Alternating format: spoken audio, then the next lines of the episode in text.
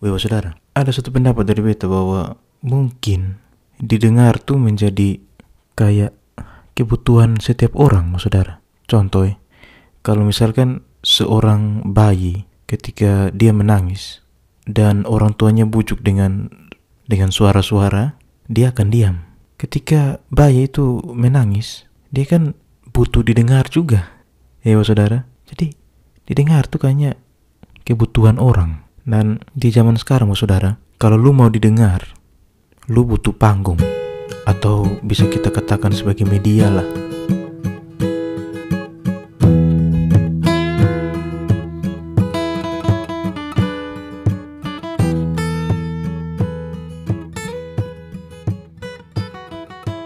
Dan kalau bicara media kan sekarang itu sudah sangat terbuka, saudara.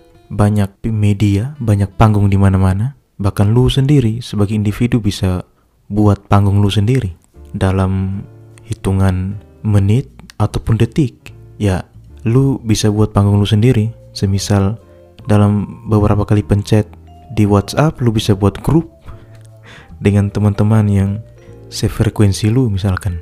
Lu bisa bahas apa saja di grup itu, ya Pak Saudara.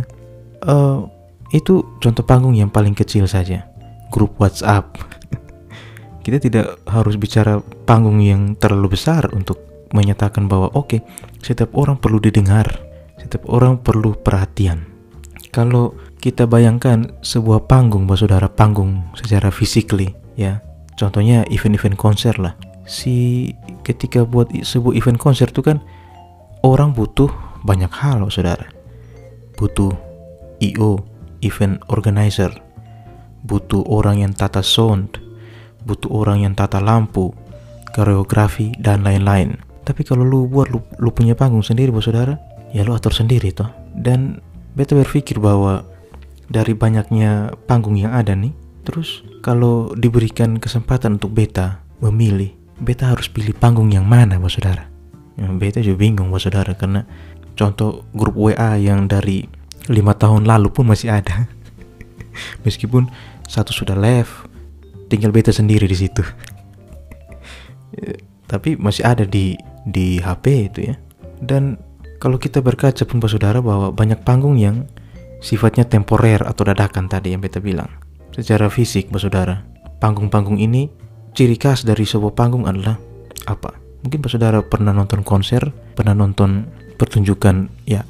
Beta pikir panggung bukan hanya untuk konser pak saudara misalkan untuk pentas seni apa begitu pasti ada lampu sorotnya, Pak Saudara. Ya, lampu cahaya lampu sorot ini menyilaukan kita, Pak Saudara. Sorotan itu membuat ya fungsi lampu sorot kan sudah tentu untuk uh, penonton fokus pada satu titik, yaitu si penampil, si uh, artis atau apa pun itu. Dan kalau kita bicara lebih lanjut bahwa entah objek itu itu salah atau benar, baik atau buruk, entah dia mau salah di panggung pun kita tetap lihat tuh saudara. Karena kita fokus ke panggung itu. Secara tidak langsung sebagian besar energi kita itu terkuras ke si presenter itu saudara. Di saat yang sama lu fokus ke objek itu. Berpikir energi yang mungkin saja bisa kita pakai untuk hal lain saudara. Kita tidak usah bayangkan panggung yang besar panggung-panggung di medsos yang begitu meriwehkan kita membuat kita bingung ini tahu informasi mana yang harus kita pakai mana yang harus kita ambil mana harus kita konsumsi mana yang harus kita tidak perlu konsumsi. Karena sudah tersedia di media ya semuanya kita kita ambil saudara. Energi yang mungkin bisa kita pakai untuk hal-hal yang lebih berguna. Misalkan apa? Membanting tulang lebih keras. Karena kalau kita bicara soal banting membanting oh saat ini banyak yang membanting tulang tapi banting bukan tulangnya sendiri oh saudara. Membanting tulang orang lain. Mengerti itu saudara bahwa lu kalau mau banting tulang ya banting lu pun tulang sendiri. Jangan banting tulang orang lain. Kan bahaya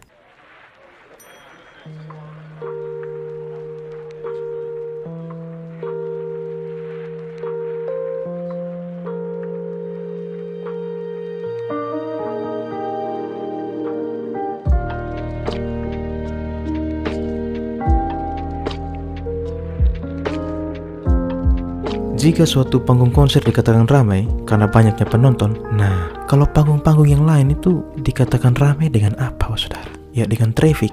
Ya, untuk informasinya bos saudara apa? Untuk beta kasih informasi. Misalkan di dunia podcast, beta berpodcast. Beta tahu beta punya listener pendengar beta itu dari mana. Ya, jadi di aplikasi Anchor yang biasa beta pakai untuk buat podcast itu ada um, trafficnya. Oh, episode mana yang paling didengar, episode mana yang paling sedikit pendengarnya, kemudian pendengar beta itu dari mana saja? Bahkan yang agak memungkinkan beta ketika di analytical si Anchor planet mana oh saudara? Jadi ada bumi Earth Merkurius Saturnus segala macam Jupiter. Ya sudah barang tentu belum ada yang dengar beta podcast di pulau eh pulau di planet Mars. Semuanya masih dari bumi. Hal yang aneh ketika di analytical anchor muncul pendengar beta di Saturnus misalkan itu aneh juga mungkin saja sih pengembang teknologi di Anchor ini dia berpikir bahwa oke okay, mungkin saja ada yang dengar podcast di Pluto misalkan tidak tahu tuh saudara anyway kita kembali ke tadi saudara bahwa uh, traffic itu menjadi indikator panggung-panggung yang sekarang bertebaran di mana-mana itu, bos saudara. Semua dibuat untuk menguasai traffic, bos saudara. Maka jangan heran peristiwa kematian supporter sepak bola kemarin yang terbesar di kedua di dunia, saudara, bisa hilang dari media atau trafficnya turun dengan adanya peristiwa banting memanting tulang. ya, uh, bukan banting tulangnya sendiri tapi banting tulang uh, pasangan hidupnya. Anyway. Kenapa bisa terjadi itu saudara? Oh ya untuk traffic. Dalam waktu yang singkat, um, peristiwa kematian supporter bola terbesar kedua di dunia, trafficnya turun dan peristiwa banting membanting tulang menjadi headline. Ya, traffic.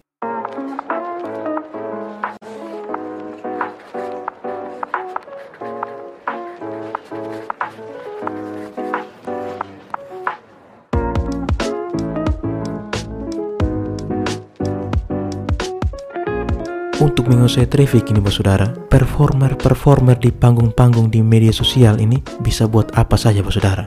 Beta mau cerita bos saudara bahwa ya beberapa waktu yang lalu beta nonton salah satu band sih. Beta iseng buka YouTube begitu, beta lihat ada penampilan paling baru dari Limp Bizkit. Wah, beta kemudian sudah lama tidak nonton. Bagaimana nih sekarang uh, perawakannya mereka nih para personil personil dari Limp Bizkit. Kebetulan itu konser Lula Palusa 2022 festival musik yang besar juga. Beta buka videonya sekitar satu jam lebih lah.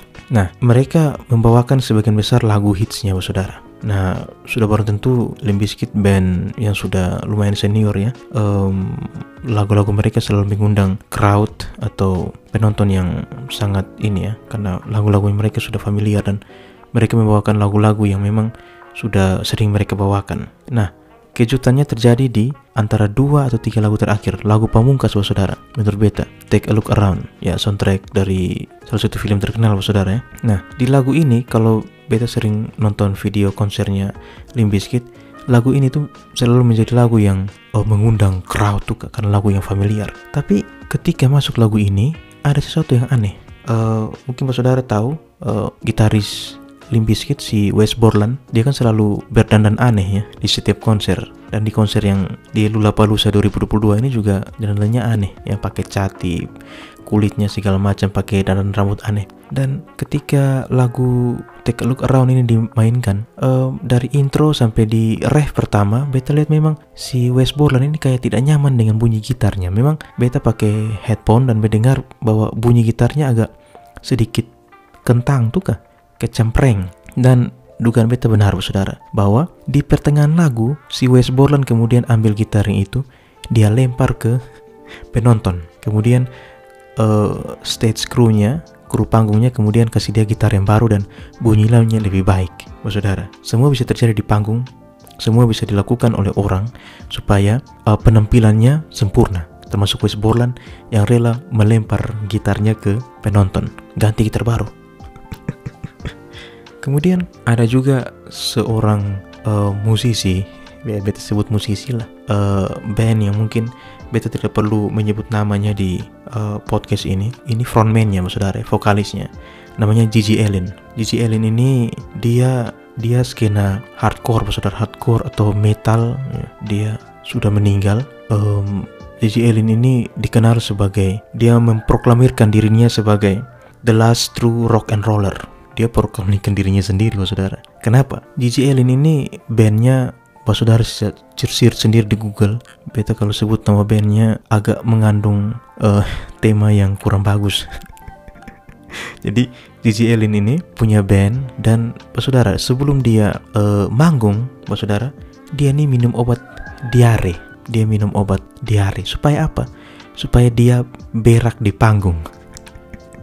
dan yang lebih meng mengesankan adalah dia berak di panggung dan kotorannya dia lempar ke penonton. Dan dia buat itu bukan satu kali. Tiap kali performer dibuat seperti itu saudara. Termasuk uh, suntik uh, narkoba dan segala se sebagainya di di panggung saudara. Gigi Allen semua bisa orang lakukan di panggung untuk mengundang crowd mengundang uh, kontroversi segala macam biar oke. Okay, nama saya banyak di dibicarakan banyak orang apa yang terjadi di Indonesia? Ya, bisa juga semua hal bisa terjadi di panggung, saudara. Ada istilahnya fans service. Oh, ada satu penyanyi yang uh, melakukan fans service ke penggemarnya. Ambil HP si penggemar, kemudian dia, ya itulah.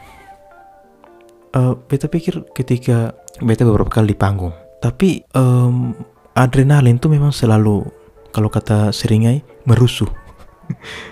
di atas panggung uh, metal horn atau apa pun itu penyebutannya kita kadang kalau di panggung tuh sudah wah, energinya besar sekali. Dan memang beberapa tindakan di panggung kadang impromptu tuh kan terjadi secara spontan. Namun ya sekarang dengan zaman media sosial terkadang sesuatu yang hanya biasa saja dianggap luar biasa. Tapi fan service yang kemarin saya tidak mau terlalu komentar banyak karena ya itu terserah performer lah hak dia. Saya tidak pusing juga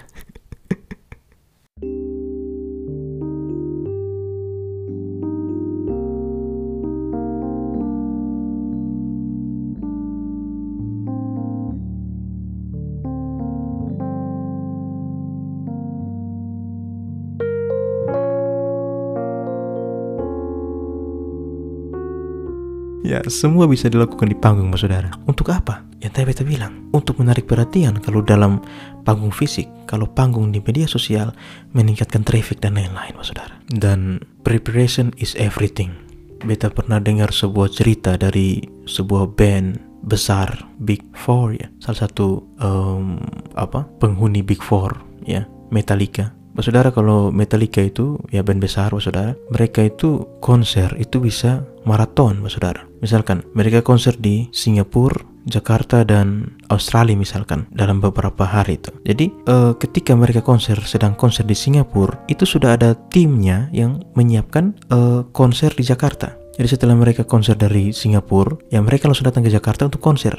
Dan tim yang tadi menyiapkan konser di Jakarta sudah ke Australia lagi. Jadi memang preparation is everything. Persiapan tuh penting sekali. Apalagi untuk sebuah seorang performer, untuk seorang artis begitu. Bahkan kalau kita eh, uh, lihat lebih jauh bahwa aksi panggung itu harus dipersiapkan, Mas Saudara. Ya, bahkan ada cerita klasik dari Indonesia band uh, rock Indonesia yang aksi panggungnya selalu mematahkan gitar membanting gitar setelah di akhir konser. Tapi ternyata gitar itu setelah konser diperbaiki lagi karena akan dibanting lagi di konser yang lain.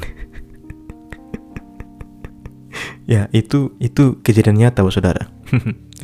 Oke, kita bicara soal persiapan, Bos Saudara. Kata persiapan ini dalam beberapa minggu ini menjadi headline nih di negara tercinta ini ya. Karena ada yang oh waktunya masih lama, masih lama kok kok sudah um, persiapannya sudah sudah start dari sekarang. Untuk apa ya masih beberapa purnama lagi. Bukan beberapa masih banyak purnama yang akan yang akan terjadi.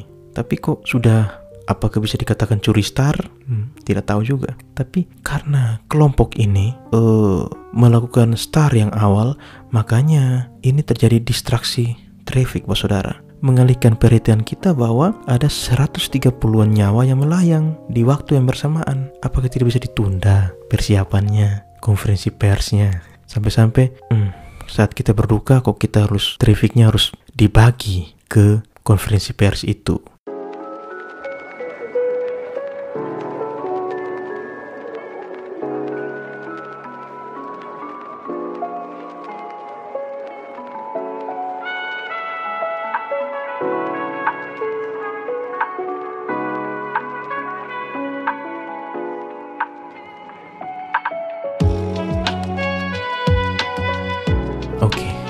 Traffic bos saudara menjadi hal yang luar biasa. Kita konsum kita juga ber, berin loh saudara. Juga berkontribusi untuk traffic itu jadi jangan pikir saya tidak ada hubungan dengan traffic-traffic itu. Kita masuk hmm. Terus pertanyaannya Bapak Saudara dari berbagai panggung yang ada nih kita mau pilih yang mana? Menurut beta sih yaitu kebebasan orang Bapak Saudara. Lu mau konsumsi apa di medsos? Lu mau konsumsi, apa di sekitar lu? Ya terserah lu kan hak lu. Dan Bapak Saudara ketika lu sudah jatuhkan pikiran untuk memilih panggung-panggung itu ya lu harus siap energi untuk untuk untuk untuk itu saudara. Ya semua kan tergambarkan di explore Instagram misalkan tergambarkan di um, FYP YouTube misalkan tergambar kok. Jadi jangan heran kalau lu, biasa cari uh, sering cari uh, merch band kaos band. Ya FYP beta di explore Instagram itu pasti seputar uh, merch baru, kaos band baru dan seterusnya. Pak saudara yang mungkin suka dengan hmm, apa kopi misalkan makanan ya pasti F, apa explore Instagramnya dipenuhi dengan makanan dari mana-mana itu. Nah itu panggung yang lu pilih tuh saudara dan lu harus siap energi untuk itu bos saudara. Untuk mengkonsumsi panggung-panggung itu bicara tentang energi bos saudara. Seorang performer di panggung fisik panggung konser misalkan itu itu membutuhkan energi untuk dia bisa performer. Beta pengalaman nonton konser SID Superman is Dead di di Kupang tahun 2008 ya waktu itu si Jiring belum ter terkenal sekarang lah. Dulu mungkin hanya terkenal di skena-skena underground karena ya orang tahu lagu SID mungkin hanya Muka Tebal, Kuta Rock City dan seterusnya. Dan beta sudah koleksi lengkap itu album SID jadi waktu SID ke Kupang datang nonton. Dan namanya juga band punk ya sudah barang tentu suasana konsernya sangat testosteron ya. Aroma testosteronnya kuat sekali. Dan pulang-pulang ya sendal putus kemudian badan kesakitan karena ditendang dan seterusnya itu sudah biasa. Waktu itu beta pun uh, mendapat tendangan-tendangan liar energi terkuras tapi ya beta senang karena bisa nonton band favorit yang yang yang, yang beta mau bagikan bahwa ketika lu sudah pilih panggung lu saudara ya lu harus nikmati entah itu lu kadang lu harus sakit kadang lu ya ditendang kayak bisa tadi di di arena tapi itu itu pilihan lu nikmati saja panggung yang lu sudah pilih. Ya Pak Saudara, beta kembali ke pertanyaan beta di awal bahwa pernyataan bukan pertanyaan. Semua orang pengen didengar, Pak Saudara. Bahkan beta bisa bilang bahwa seintrovertnya orang, dia pun butuh didengar. Pak Saudara tahu tuh, Raja Rimba itu siapa? Singa. Singa itu Raja Rimba. Tapi, lu tidak akan lihat serigala di sirkus. Tapi lu lihat, singa tuh ada di sirkus. Dan serigala pun butuh didengar. Dia butuh panggung juga. Oke, saudara. Cheers.